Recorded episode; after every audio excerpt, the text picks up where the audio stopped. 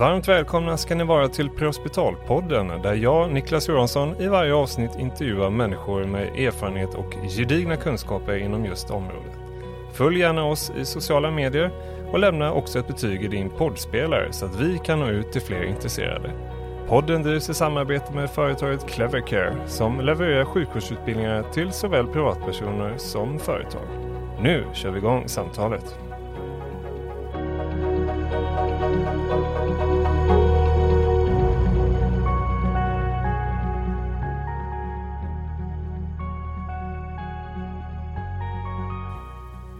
Och där kör vi igång del nummer två utav intervjun med Daniel Hammarklev som berättar om sina erfarenheter ifrån att ha arbetat i konfliktområden runt om i världen, framförallt i Somalia. Välkommen tillbaka Daniel. Tackar. Så Daniel, vilka skulle du säga är de största lärdomarna som du har tagit med dig från din tid i Somalia? Du har ju varit med om ganska så extrema situationer och fått träffa väldigt sjuka patienter. Och vad, har du hunnit reflektera över det någonting? Ja, det har jag. Ehm, Vi kan kanske börja lite grann i bara i eh, de, de rent sjukvårdsmässiga, eh, om det är okej. Kör på. Ja.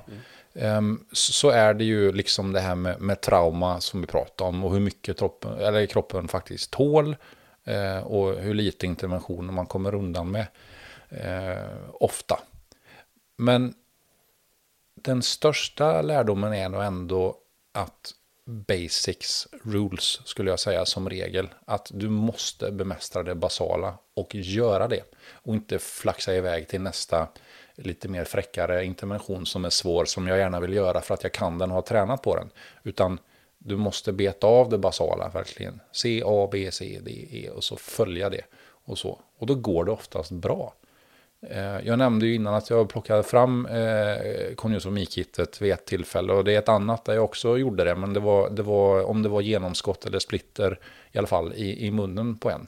Som jag hade bak i ett mindre flygplan. Eh, som, som det är värderat. Den här ska egentligen per indikation nödkonjunktumeras. Eh, för så, så säger riktlinjerna egentligen. Men jag hade ju ett gäng skadade också utö utöver eh, den här personen. Och det gick ganska bra i dränageläge. Det rann ut blod och den låg och spottade. Så det fick bli liksom modell läcka, eh, spotta blod i en rondskål istället. För att göra eh, konjunktomin då. Eh, för jag var ju helt själv, alltid. Så satte jag mig i skiten så var jag verkligen eh, tvungen att ta mig ur den själv också. Ja, och där hamnar du i ett annat problem. Där måste du ju kanske ventilera patienten och kan inte släppa det. Nej, precis. Det är också en risk då. Beroende på. I det här fallet så hade han kunnat andas själv. Men, men eh, då får man ju beakta vad behöver jag göra innan. Ska jag sedera ner honom på ketamin eller lägga lokalbedövning? Och det, det, är en, det är en, gör du en kontrollerad nödkonjunktomi så är det en hyfsat tidskrävande intervention. Mm. Och jag har många andra att se till eh, samtidigt. Eh, Så, så där är det liksom, basics är liksom, du, du måste, du måste liksom vara, vara bra på det. Eh, annars så eh, är det liksom inget att, du har inte så mycket att, att, att komma med. Om du hoppar över de sakerna. Så det, det tar dig väldigt långt. Eh, annat är liksom eh, gamla klassiska där på så här, men du, dubbla handskar på, på blödningarna. Eh, det, blev ju, det blev ju mer påtagligt här. Vi, vi pratade om det här hemma och sa att man måste liksom var, jobba med barriärvården och eh, smitta och det ena med det tredje och så. Men här låg det ju på en sinnessjukt hög eh, nivå av smitta med, med aids och hepatit och så. Så att det blev liksom bara, eh, det, det här blodet är smutsigt på riktigt. Även om vi ska ha den approachen, jag vet det. Men, men i praktisk tillämpning så kanske det inte alltid blir så. Eh, för att det är rörigt och det ena med det tredje. Men eh, det blev jag väldigt bra på. Och se till liksom att jag kunde ta hand om de här stora blödningarna utan att grisa ner. Eh, och det gäller även utrustningen, ryggsäcken. Alltså in, inget blod ner i. Och det stavas ju att du då får ha Eh, ett kit högt upp i, i din packning. Med kompresser och handskar och så. Så att du kan göra grovrent innan du börjar jobba. Så driver du ner en näve i en katastrofblödning så är ju den liksom grisig sen. Eh, så, och då måste du kunna ta av eh, och inte ställa dig och byta handskar för du har inte den tiden. Så jag dubbla handskar, väldigt, väldigt sån viktig sån viktig lärdom. Var, var det någonting som kom allt eftersom eller var det någonting som du kände att du hade med dig från innan du åkte ner också? Jag hade med tänket från, eh, från en ambulanssjukvårdare när jag började 2004 i Göteborg. Som sa det, det här har alltid jag, om de kräks eller blöder. Så det, det, hade jag faktiskt med mig som ett kit. Men det var ju från en, från en enskild individ. Jag har aldrig fått det från någon verksamhet så. Att liksom. Men det, det kör jag hårt på. Um, tåligheten har vi pratat om också. Vad människan tål. Jag har haft ett antal eh, huvudskott. Liksom, som ändå är, är, vakna. Jag ska inte säga att de är lucida. Men de kan, de kan ligga och och vara på en om att de vill ha, dricka vatten och liksom vara, vara lite röriga. Medan jag tänker att du, du är väl egentligen död. Eller så. När det är ingångshål och utgångshål. Men då kan det löpa längs med kurvaturen av skallen och, och massa konstiga saker. Så att det var väldigt så här omvälvande hur, hur, hur, hur mycket tål man egentligen. Liksom. Mm. Om du har med dig marginalerna. Har du inte med dig marginalerna tål du ingenting. Som ett ägg. Så. Men eh, ja, det var, det var, det var väldigt eh, intressant. Det går ganska bra utan syrgas. Eh, fick vi ju eh, lära oss att leva med. Eh, och, och, och, det gör det. Men det har ju smalnat av här hemma med nu. Att man liksom, nu är det inte syrgas på kreti och pleti. Utan det är liksom skallar och sådana som, som inte tål. Eller, eller vad säger jag fel? Sådana som dimper i saturation. Då ska det ge syrgas. Så var det inte liksom i min första och andra sväng i ambulansen. Utan då var det syrgas på högt och lågt liksom. Mm. För det har, det har blivit vettigare. Men, men det lärde jag mig där nere liksom. Ja, det känns som eh, när man ser alla sjukhusserier så blir alla magiskt smärtlindrade bara de får en liten grimma på näsan. Ja, ja absolut. Mm. Absolut. Uh, ja. Nej, men uh, ja, tåligheten och liksom det, det tycker jag var en väldigt stor lärdom. Um, Vidare en sak som man sällan eller aldrig pratar om, tycker jag i alla fall, eh, kring när det gäller stridssjukvård, eh, är ju preventivmedicinsdelen. Det är osexigt då, man pratar det ska vara liksom grisiga trauman och högt i helikoptern och det ena med det tredje. Men det som förvaltar och, och eh, garanterar ett högt stridsvärde är ju att du, att du är preventiv, preventivmedicinskt medveten och agerar i den riktningen. Eh, så. Och det hamnar på sjukvårdaren, att du får liksom vårda gruppen eh, eller de du har närmast omkring dig. Eh, om du är på en FOB till exempel, så måste man se till att liksom det funkar, att latrinerna finns, så att folk verkligen eh, inte äter och skiter på samma ställe. För så blir det om, om du inte liksom... Så därför är ju bland de första sakerna man gör när man slår upp ett läger eller en FOB eller någonting, det är alltså pisspåle och gräv skitgropen fort. Annars så börjar det sprida sig. Och i och med att sånt sprider sig så drar det ju till sig eh, critters, alltså gerbiler, råttor eh, och sånt där. Som i och för sig är äckligt, men det är, far, det är ännu farligare med dem är att de drar ju till sig ormarna i sin tur. Och det kunde vi se. Av, av och till så kunde, kunde det vara liksom folk som sov, sov i sina grävda värn som kom på morgonen och har blivit huggna av tre ormar. Olika sorters ormar. Och ibland så fick man eh, lite feeling då när man blev huggen. Så vi måste jaga den och slå ihjäl den så vi kan ta med den. Och fick 20 extra hugg då. Eh, så, så att det, det är liksom, man kan raljera över det där. Men det, det var ganska kärvt liksom. Mm. Om man inte sköter om preventivmedicin. Och det är ganska enkelt. Ha dina sopor på ett ställe, bränn dem eh, när det är dagsljus. Och så se till så att liksom, det inte är saker som lockar till. Eh. Man kan säga att det är förebyggande Ja, ja absolut. Ja. Det, det, är ju hela grejen med preventivmedicinen, att, att vara förebyggande. Eh, använt sina mosidomer, alltså de här myggnätstälten och, mm. och för att stänga ute. Eh, som, jag, som jag nämnde innan, tror jag i alla fall, eh, att vi, vi hade ju väldigt mycket så här skorpionstick och, och, och sånt där. Och det kan man liksom motverka genom att ja, men ha kängorna uppe bredvid dig där du sover, slå ur dem varje morgon. Eh, så där liksom. Men den, den eh, tycker jag var ganska låg Eh, medvetande nivå på. Så det, det la jag faktiskt ganska mycket tid på när det var dödtid ute på fobbarna. Mm. Och eh, eh, gräva gropar, sopgropar, elda och, och låta bli att jaga ikapp ormen. För vi hade ändå inget serum så det spelar liksom ingen roll. Nej, det känns oklokt att jaga ikapp giftormar om du frågar mig. Men... Ja, som, rent som hobby så känns det ju att det, ja, det håller inte. Eh, ja, det var väl sjukvårds... Eh, eh och sen CCP pratar vi om också där att liksom det är så sinnessjukt svårt att lyckas med det om man är ensam. Du behöver ju ha någon som, som förvaltar liksom yttre gränserna och ser till så att du kan liksom jobba med det du behöver inne på uppsamlingsplatserna mm. för skadade och så. Det här med att hålla på materiel när man vet att man kan behandla, men du måste hålla för att du ska taktisera på om det händer mer saker när du är avskuren. Det, det mm, skulle jag vilja påstå att det ger eh, något som benämns moral injuries. Jag vet inte om, om du är bekant med det, men det har ganska mycket att göra med liksom i utvecklande av just PTSD och liksom så här post, eh, postmissionsstresssyndrom och sådana här saker.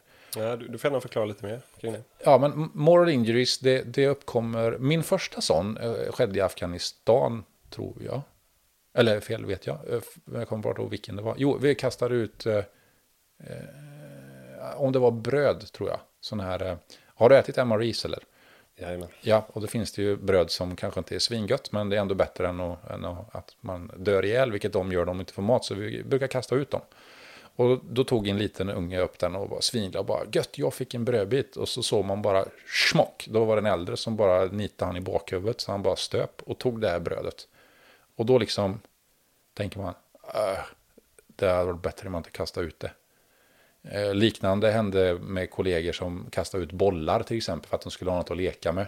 Det lärde vi oss och blev ett tecken. Håll de upp två händer så här med en bollsbredd emellan så betyder det kan vi inte få en boll, kan vi inte få en boll.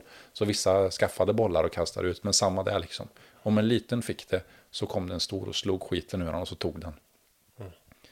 Eh, och jag bevittnade någon gång någon, någon vuxen som eh, spöade på en, eh, en, eh, en unge också. Och det är sånt som man vet med sig i sin, i sin eh, etisk, moraliska liksom eh, setting, eller vad man säger, min default setting här hemma. Hade jag sett det här hemma så hade jag ingripit. Eh, det vet jag att jag hade gjort. Men där så kan jag inte riktigt göra det för att vi har, ett större, vi har en större uppgift. Och om jag går där dit militärklädd och kolvar ner en civil som spöar en unge, vad händer då med liksom eh, goodwillen i den här byn? När en militär hjular på någon som gör det som man gör i Afghanistan. För det är, det är inget fult där att slå sina barn. Det ingår liksom, det är naturligt. Du ska göra det och liksom för att fostra dem och så. Och så kommer jag och nitar den här och så, och så funkar inte samarbetet i den här byn överhuvudtaget längre. Kanske så att liksom vi eh, blir, att de blir fientligt inställda till oss och så. Sådana saker eroderar ju ner dig själv, där du låter bli och agera på saker som du vet är fel egentligen rent moraliskt. Men sen så måste du hela tiden beakta det stora. Vad blir förlusten då som jag precis sa om det här med att om byn blir fientligt inställd till oss för att jag slog ner en vuxen gubbe som, eh, som eh, spöar på en unge, vilket jag kanske hade gjort här hemma. Eh, och så måste man svälja väldigt mycket sånt. Mm. Och det, det, det finns ju med, dels när man bevittnar sådana här saker. Eh, och, och likväl när du inte ska agera, återigen i Afghanistan, man, vi bevittnade någon, någon, eh, någon krock, eller vad det var, eller någon MC som körde åt helvete ordentligt liksom. Nej, men vi, vi låt dem ligga, vi ska inte ge oss in, för då hade inte vi varit delaktiga i den smällen. Och då ska vi inte, utan då ska lokala ta hand om dem. Det gör ont liksom igen, för man är van att, att göra, eh, ta hand om folk som behöver det. Ja, vi är ju ganska inpräntade oh ja. i sjukvårdspersonal att mm. det där tar vi hand om. Ja. Så det leder dig in på en väg som är ganska giftig för den kan liksom ta ände i cynism och att du eh, tycker att det spelar ingen roll, liksom skiter i det där och det, liksom, det kan bli, kan bli riktigt illa om man inte är varsam och liksom jobbar mycket med ens, eh, vad ska man säga, ja, just moraletiska, kanske filosofiska grund. Liksom, vad gör jag här? Vad är min uppgift? Vad, vad, blir bra om jag gör? Vad blir dåligt om jag gör? Och kan jag leva med det? Är det någonting du behövt göra själv? Hur menar du? Att jobba med det? Ja, ja, herregud. Mm. Jättemycket. Jättemycket. Eh, men det är ju också en väg man behöver gå sen. Eh, ja, när, när man kommer hem, liksom, hur, hur, hur tar man hand om sig själv och psyket och så. Så det, det, det är mycket, mycket Mm. att jobba med där. Mm. Vad tycker du Daniel, att om man är intresserad av att åka på något här liknande som du har varit på, Mm. hur ska man förbereda sig på bästa sätt då för att vara, känna att man ska vara redo? Eh, saker som har hjälpt mig är ju att alltså, läsa på och ta del av så mycket du kan av, av eh, den kulturen och, och gärna den specifika konflikten också som du åker till. I Somalia fanns det inte så mycket, för det är inte så mycket historia skrivet kring och sådär och så. Men Afghanistan hade ju de här flyga drake och, och eh, det är ju mycket, alltså Afghanistan har det ju varit mycket krig, alltså med Sovjet och, och även, alltså när Mujahedin och, och hur talibanerna kom till. Och, jag åkte ju ner sent i den konflikten, så det fanns mycket skrivet. Det hjälper jättemycket tycker jag. Så att man får liksom en försmak på vad är det jag kommer till. Prata med folk som har varit iväg. ehm, och, och göra sig liksom så redo man kan. Ehm, det är bra att vara med om saker och öva, men man kan göra väldigt mycket själv också i sitt huvud. Tänka igenom scenarier, hur, scenarier. Hur, hur skulle jag göra om och vad händer om och eh, var vad går mina gränser? När man är där nere och jobbar, oaktat var då, men där det finns hot om eh, livet, alltså man åker ju ändå ner med livet som insats. Det, det går inte att ta sig bort ifrån. Liksom. Det, det gör man. man. Man lägger sitt liv på linan här. Sen kanske man inte är så medveten om det.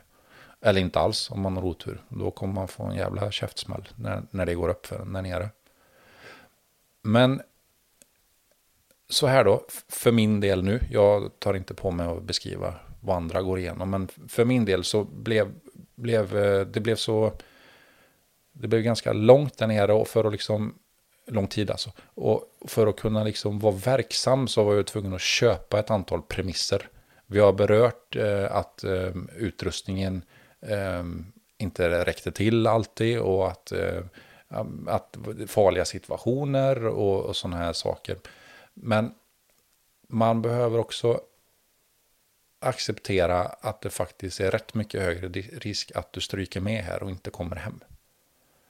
Eh, för att kunna vara verksam. För ska du gå runt och vara rädd, alltså nu menar jag rädd på ett sätt som gör att du liksom inte kan eh, agera eh, i insatsområdet, då gör det ju ingen nytta. Och, och du kommer att få ett smärre helvete under tiden där nere. Eh, så om man lyckas liksom ta sig förbi det och liksom släppa rädslan och, och, och bli eh, eh up and running och komma igång och så, eh, så, så är det bra. Men det har ju också ett pris för att du, du checkar ju in ditt liv mot någonting, jag vet inte vad det är, mot ödet eller mot eh, liksom att eh, okej, jag köper att jag kanske inte kommer hem. Ehm, det finns ju en del saker som, som, är, som är fastsatta kring det beslutet och det är ju att du gör ju ett beslut som innebär att du är med på det här. Det här är värt att jag dör för. Du kanske inte uttalar det just då, men det är det du gör. Det är det du lever. och man är sina handlingar mycket mer än vad man är sina ord. Så att medvetandegöra att du köper att du offrar ditt liv för det som är där nere. Eh, är väldigt bra om, om man kan liksom lyckas få fram i ett tidigt skede som man kan eh, filosofera kring det här och göra sig själv kompis med det. För att det, det är en sån eh, sak som, som slog mig väldigt hårt hemma. Att vad, vad fan gjorde jag? Eh, liksom, jag la mitt liv på, på linan och liksom eh, riskerade eh, mina föräldrars son, mina syskons bror, min dotters, eh, eh vad heter det, min, min dotters pappa och min hustrus man och, och, och, och, och allt sådana här saker. Så, så när det slog en, då, då, då fick jag en väldigt, väldigt så här tung känsla i mig. Ego-känsla. Att man liksom, fy fan. Fy fan att du gjorde så. Eh, och det, det var, det var sjukt tungt. Men man gör ju det. Man är ju tvungen liksom. Och, och, och köpa den premissen. Och man kan fundera lite grann kring det. Ehm, man ska ju skriva i Vita arkivet och skriva sina ehm, ehm, testamenten och så innan man åker. I alla fall är det att rekommendera. Men det, jag, jag, tycker det är oansvarsfullt eh, eh, att inte göra det. det. Det ska man fan göra. Det är man skyldig liksom dem där hemma. Att det inte ska bli bråk om du stryker med där nere och så blir det tjafs om vart ska det och vart ska det och varför och så. Så att jag har ju skrivit de här dödsbreven tre gånger och, eh, och Vita arkivet och liksom fått låst in och, och, och ja, gett instruktioner till någon som ska ta hand om det då, och distribuera. Eh, och det är jobbigt. Jag grät skitmycket alla gånger som jag gjorde det och så. Men man drev ändå på sig för att det här måste göras och man får motivera sig med att jag är skyldig mina anhöriga det här för att det ska liksom bli så lite jobbigt som möjligt för dem om det är så att jag stryker med här nere. Um, men för min del så var det liksom, jag, jag hade sånt starkt driv mot att jag måste, jag behöver genomföra det här så att, så att liksom, och, och reflektera för mycket vid att uh, det innebär att jag kanske kommer dö eh, hade jag inte liksom tid med eller kände att jag liksom vill inte göra det för då skulle det bli deppigt liksom eller, eller sådär. Eh, men det är ju självklart någonting alla andra tänker mycket på som är runt omkring mig. Eh, men det gjorde jag inte så mycket förrän jag kom hem och då, nej, det blev en jäkla svacka. Där. Jag vet inte exakt vad jag vill säga med det här, men lite så att det, det är bra om man bara reflekterar över det här innan man åker ner. Eh, och, och, kanske ihop med, med, med, familjen också. Att man, man erkänner liksom deras oro att ja, men ja det, det finns på, på kartan. Eh, dock eh, statistiskt sett att åka med svenska försvarsmakten i alla fall versus att åka bil hemma i Sverige så kanske det är farligare. Men det spelar ingen roll för du åker till krig liksom. De tänker inte så. Så ens egen dödlighet, eh, ja, tycker jag nog att eh, man, bör, man bör bära med sig och, och, och stå för den på något sätt. Jag kan inte säga att jag, jag gjorde det så mycket. Utan den drämde till ganska hårt hemma vid. Eh, vi har ju ett, eh, ett uppdrag som man inte pratar så mycket om också. Som, som eh, stridssjukvårdare eller insatssköterskor eller sjukvårdspersonal överlag. vi ska ju rädda liv ganska mycket men vi ska ju ta det också. Vid behov. Och det är inte, pratar man inte alls om väldigt lite på insatsutbildningen och egentligen inte alls. Och när man hamnar i de situationerna där det blir aktuellt, då gäller det fan i mig att ha gjort läxan liksom. Var går mina röda gränser någonstans? Liksom? Hur, eh, och sen måste man ju agera på dem också. Var liksom, just att försvara sig och så. Och det ingår ju inte i våran ehm, eh, sjukvårdarsjäl om man ska säga så. Och vi pratar om att, att det som ingår är att, att maxa ut vårdkapaciteten. Så lika mycket som det ingår, lika lite ingår det att filosofera kring och, och faktiskt ta liv. Eh, så det, det, det måste man som, som minsta nämnare där så måste du i alla fall tänka på det. Som att det blir tvärställd liksom om du hamnar i hotfulla situationer. Och liksom, man, man måste, eh, äh, man måste ta höjd för det. Det är superviktigt. Annars blir det, det blir, det blir så mycket som, som drabbar dig liksom när du kommer ner. När du, när du inser att liksom, herregud, det här är på riktigt. Och, eh, Eh, ja, eh, alltså de taktiska miljöerna och här har, du, här har du tre vapensystem som du ska hantera. Varför då? Jo, eh, ifall du ska ta liv och skydda truppen eller skydda din grupp eller dig själv eller eh, eh, saker som eh, gamla klassiska som nästan är floskelbetonade. Men hur, hur, hur, vad händer om, om jag blir strandsatt här och ensam? Och det, det liksom är ett gäng som är på väg att och, och, ta mig. Vart ska min sista granat gå? Ska jag, ska jag fimpa mig själv så jag slipper hamna i en orange dräkt på, på YouTube så mina anhöriga slipper se det? Eller ska jag försöka att ta med mig, eller få liksom nedkämpat så många som möjligt av de som kommer mot mig eller sådär. Eh, det, det inte, pratas inte mycket om det. Nej. Gör det inte. Tror du att det är för att det är så kraftfulla ämnen? Eh, absolut. Mm. Och sen är det, det ligger ju väldigt långt ifrån eh, hur, hur vi har det här hemma också. Liksom. Eh, det, det, gör det. Det pratas inte om det. Döden är ju någonting som vi inte ens snackar, vi snackar ju knappt om det i sjukvården. Och bara om man tittar lite grann på hur, eh, hur, hur långt förbi en rimlig punkt vi vårdar vissa patienter. När man kanske skulle kallat det här en dag långt tidigare och så nu, nu har nog livet eh, gjort vad det kan för den här individen. Liksom. Eh, döden är inte närvarande i vårt samhälle, påstår jag.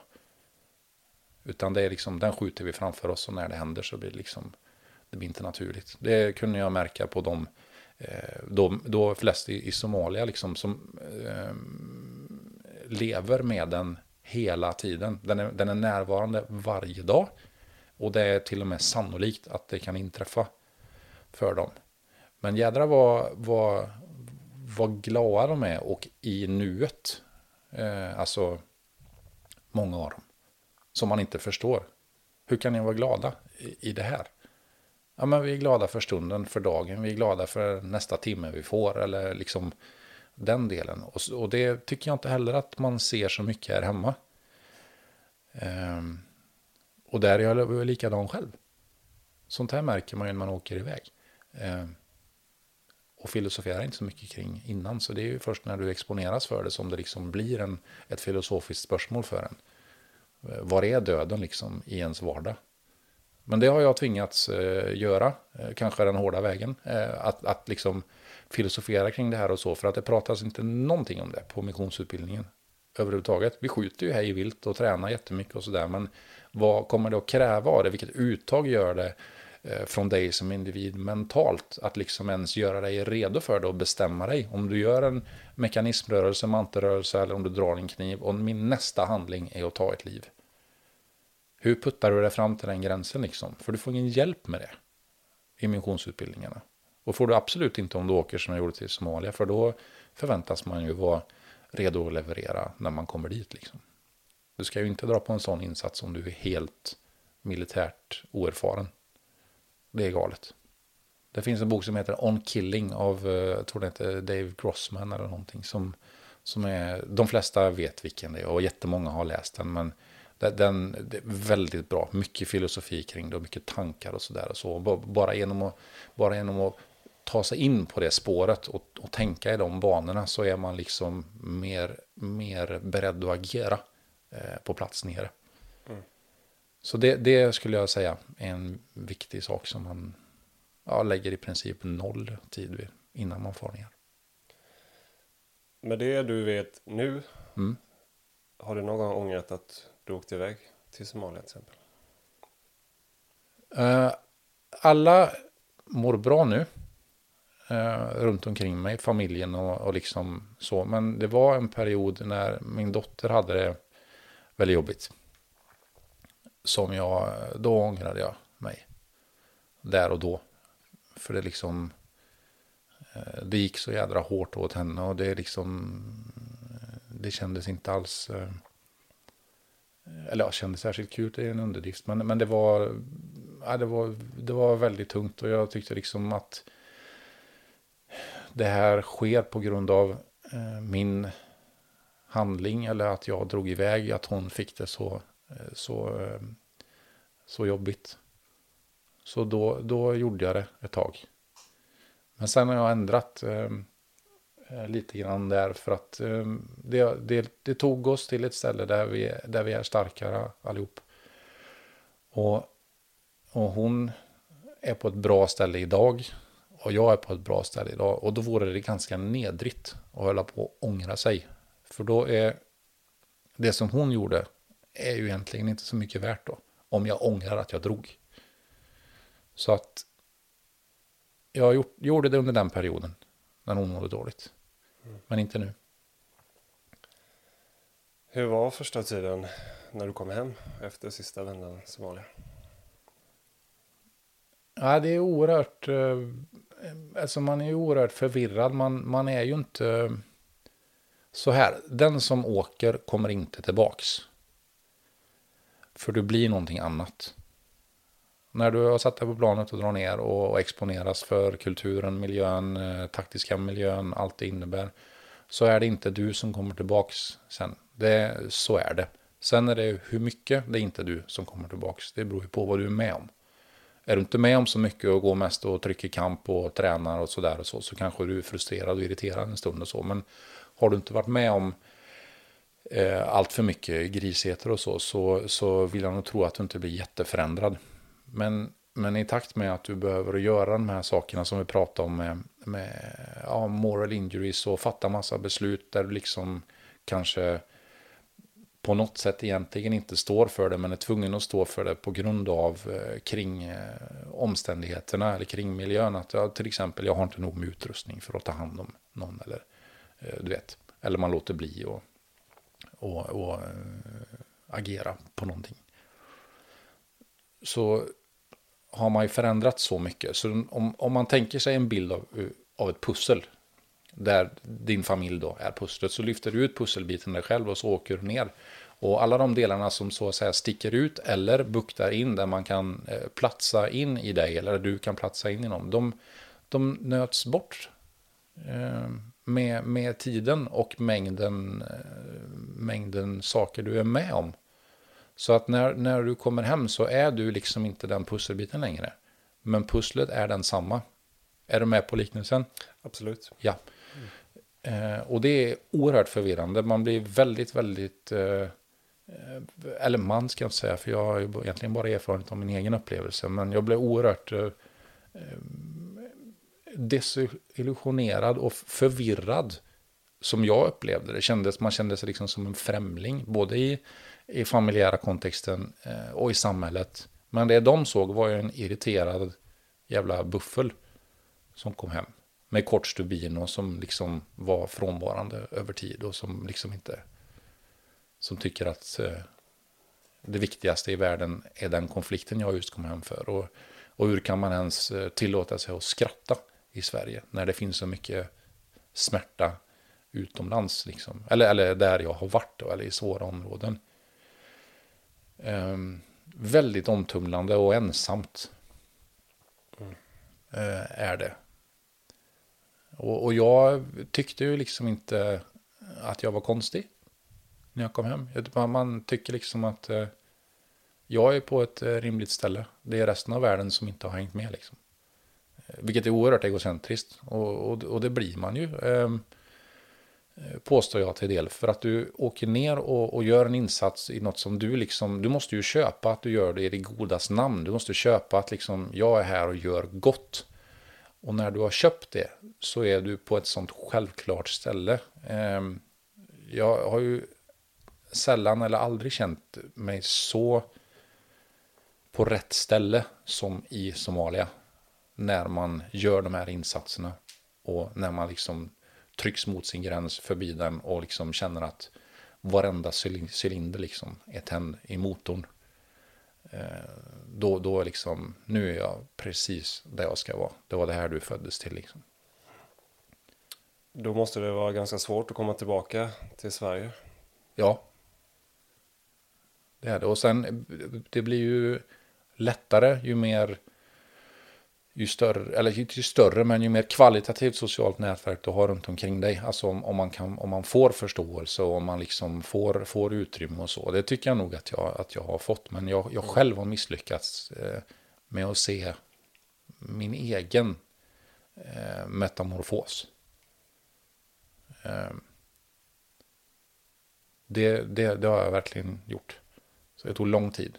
Det var nog inte förrän jag kom till veteranmottagningen i Uppsala. Som, eh, som eh, det eh, liksom gick upp för mig när det kom på papper. Lite grann. Att man har restsymptom av det här och så. Inte någon, inte någon liksom klinisk PTSD så, men ett förhöjt stresstillstånd och liksom man, är, man blir väldigt, väldigt, väldigt alienerad på något sätt. Sen kanske man gör sig alienerad också, det, det vet jag inte. Men du, jag skulle säga att du präglas ganska distinkt av en känsla av ensamhet och förvirring och utanförskap, skulle jag säga. Eh, när man kommer hem. Och ingen förstår dig. Ja, det kan de ju inte heller. Det vore ju naivt att förvänta sig att de skulle förstå dig, för de har inte varit med på din resa. Du behöver prata med sådana som, som har varit iväg och, och, och har varit med om liksom eh, saker och ting och har kommit hem och, och kanske får hjälp av dem och vad funkar och vad, vad, liksom, vad funkar inte. Och det som inte funkar är att gå gnola på och inte prata i alla fall. Och, och tro att liksom det ordnar sig. Det ordnar sig inte, du måste ordna det. Mm. Och du behöver nog ta hjälp, är jag rätt säker på. Har du pratat med andra folk som har varit där nere och har de upplevt samma sak som du har känt? Ja, det har jag gjort. Mm. Absolut. Och gör väl till del också. Eh, fortfarande. Men det, jag påstår nog att det finns en gräns när man kanske går över eh, där man inte klarar det längre. Så, och jag, jag kände nog på slutet att jag, jag började bli liksom... Eh, jag började bli lite för vårdslös kanske med, med mig själv. Där nere. Att man liksom gör man långa missioner så, så blir man mindre och mindre benägen att liksom beakta kanske säkerhet eh, så mycket som behövs. Och man, man, eh, om det är av ork eller att man blir kaxig eller jag vet inte. Men, men liksom fatig liksom. Man, man orkar inte upprätthålla den nivån under lång tid. Och det är därför man inte ska deployera i så långa sjok heller. För man får fara hem och liksom komma i fas och sen kan man kanske åka igen då. Så man orkar upprätthålla den säkerheten som behövs. Men det kände jag på slutet att jag var mycket sämre på. Mm. Och ta hand om mig själv. Och sen var det ju väldigt mycket veteraner eh, på plats där nere som, som liksom har gjort många, många, alltså internationella, eh, som har gjort jättemycket olika missioner och så. Vissa av dem som man pratar med kunde man se att liksom den här individen kommer inte att fungera i ett vanligt samhälle igen. Och då, då, det kände jag att jag vill inte bli sån. Och jag vill inte tappa liksom eh, familjen. För det, någonstans så blir det ett socialt pris som du betalar. Och jag säger inte att man kanske gör det medvetet, att du betalar det priset medvetet. Men i och med att du låter dig vara kvar eller att du deployerar igen och igen och igen så påstår jag nog att det blir svårare och till slut omöjligt och, och liksom vara funkis. Vad var det som gjorde att du valde att inte fortsätta åka ner? Är det sociala priset. Mm. Det var det. Det tärde för mycket på familjen. Mm. Mm. Det gjorde det. Och det tär ju också i slutändan på mig då, men man ser det inte riktigt så. Eh, alltså, det blir ju jobbigt för familjen, men också att jag är den som eh, orsakar det. Då har du nästa eh, drake du ska liksom ha ihjäl när du kommer hem.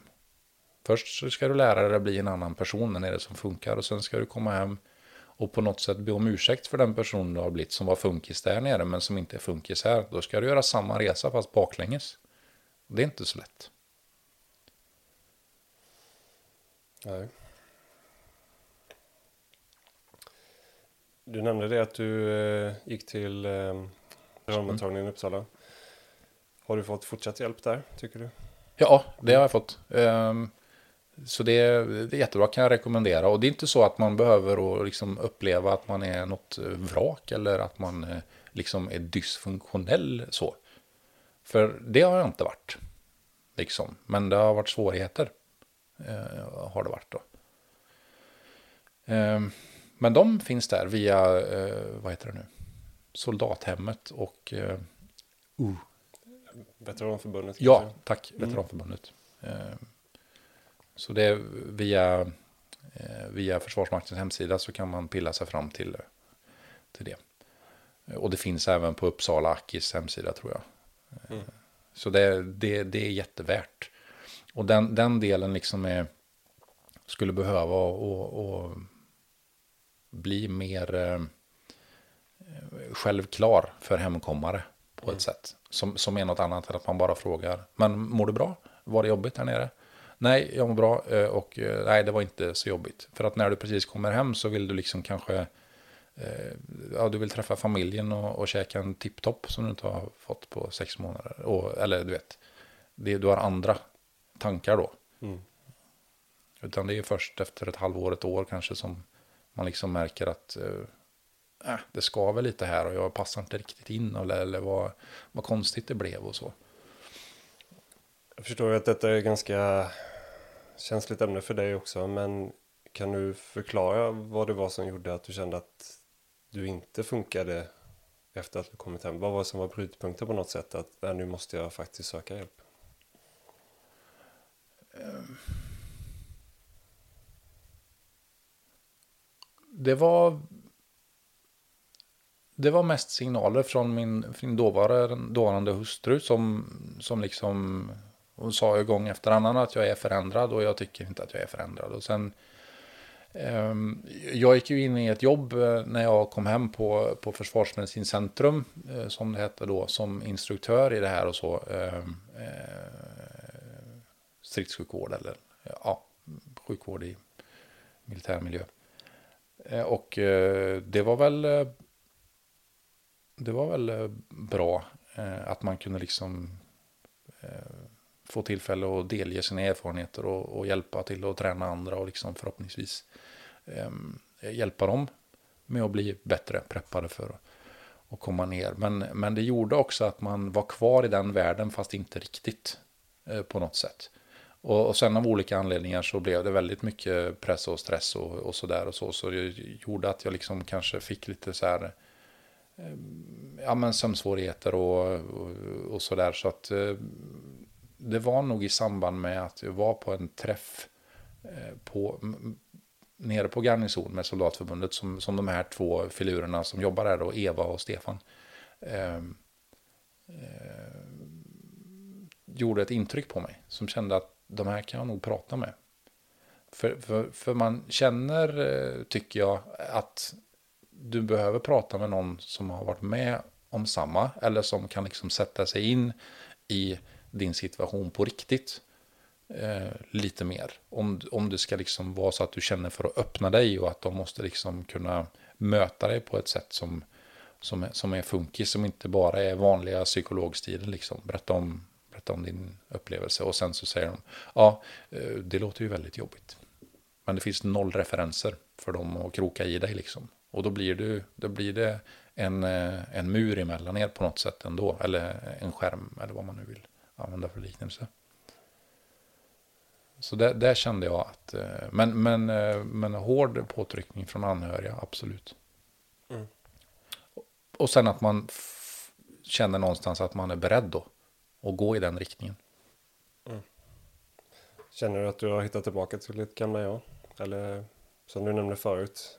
Nej, det vill jag inte. Alltså till, till, till mitt gamla jag. För att jag vill, jag vill ha de här erfarenheterna och så. Men jag är definitivt eh, funkis igen och känner mig alltså, mycket, mycket mer utvecklad och stark och alltså, som en bättre version av mig själv. Mm. Tack vare de här erfarenheterna och så. Så att liksom den spliten som ligger kvar, eller flisen eller taggen och så, det är att eh, dottern får illa. Men det, det får jag leva med. Och eh, förlåta mig själv också. För att samma där, om hon har gått vidare och mår bra, då kan inte jag eh, ligga kvar och liksom idissla på någon slags eh, smärta här. Det vore ego. Utan eh, mår hon bra, då får jag se till att mår bra också. Och så är det färdigt med det. Mm. Kanske en personlig fråga, men har din dotter också fått insikter och förlåtit dig för tiden? Eller känner hon fortfarande att det var orättvist mot henne? Nej, hon har förlåtit mig. Det har hon gjort. Mm. Och det var Eh, det var väldigt skönt att få den eh, förlåtelsen. Men, eh, och vi har pratat mycket, hon är ju stor nu, hon är 20 år. pratat mycket kring liksom vad, vad det här har gett henne för erfarenheter och vad, vad liksom hon ändå ha med sig. Och hon är ju också en, en mycket starkare person än vad hon hade varit om hon inte har varit med om det. Och ja, det kanske, det här är ju lite svårt att eh, yttra sig om liksom på rätt sätt. Men eh, hon mår bra nu och på så sätt eh, är också rätt så tacksam för erfarenheten för att man är, man är bättre rustad inför livet på något sätt. Så kan man, kan man exponeras för saker som gör en starkare utan att man kraschar så är ju det bra. Men det vet man ju inte. Alltså när du exponeras för vart, vart det här tar vägen. Uh, ja, mm. lite så. Hur känner du att det var att komma tillbaka sen och jobba, för du har ju jobbat inom ambulanssjukvården en Mm. stund här nu. Att jobba med den svenska sjukvården när man har erfarenheter från något helt annorlunda. I början var det för jävligt. Det, som, det, var knappt, det var knappt en patient som jag liksom kunde, som jag tyckte att, eh, ja men vad är det här? Vad fan är det här för gnäll liksom? Lägg av.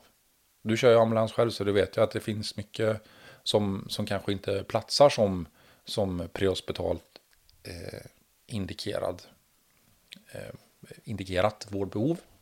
Eller hur? Det stämmer. Men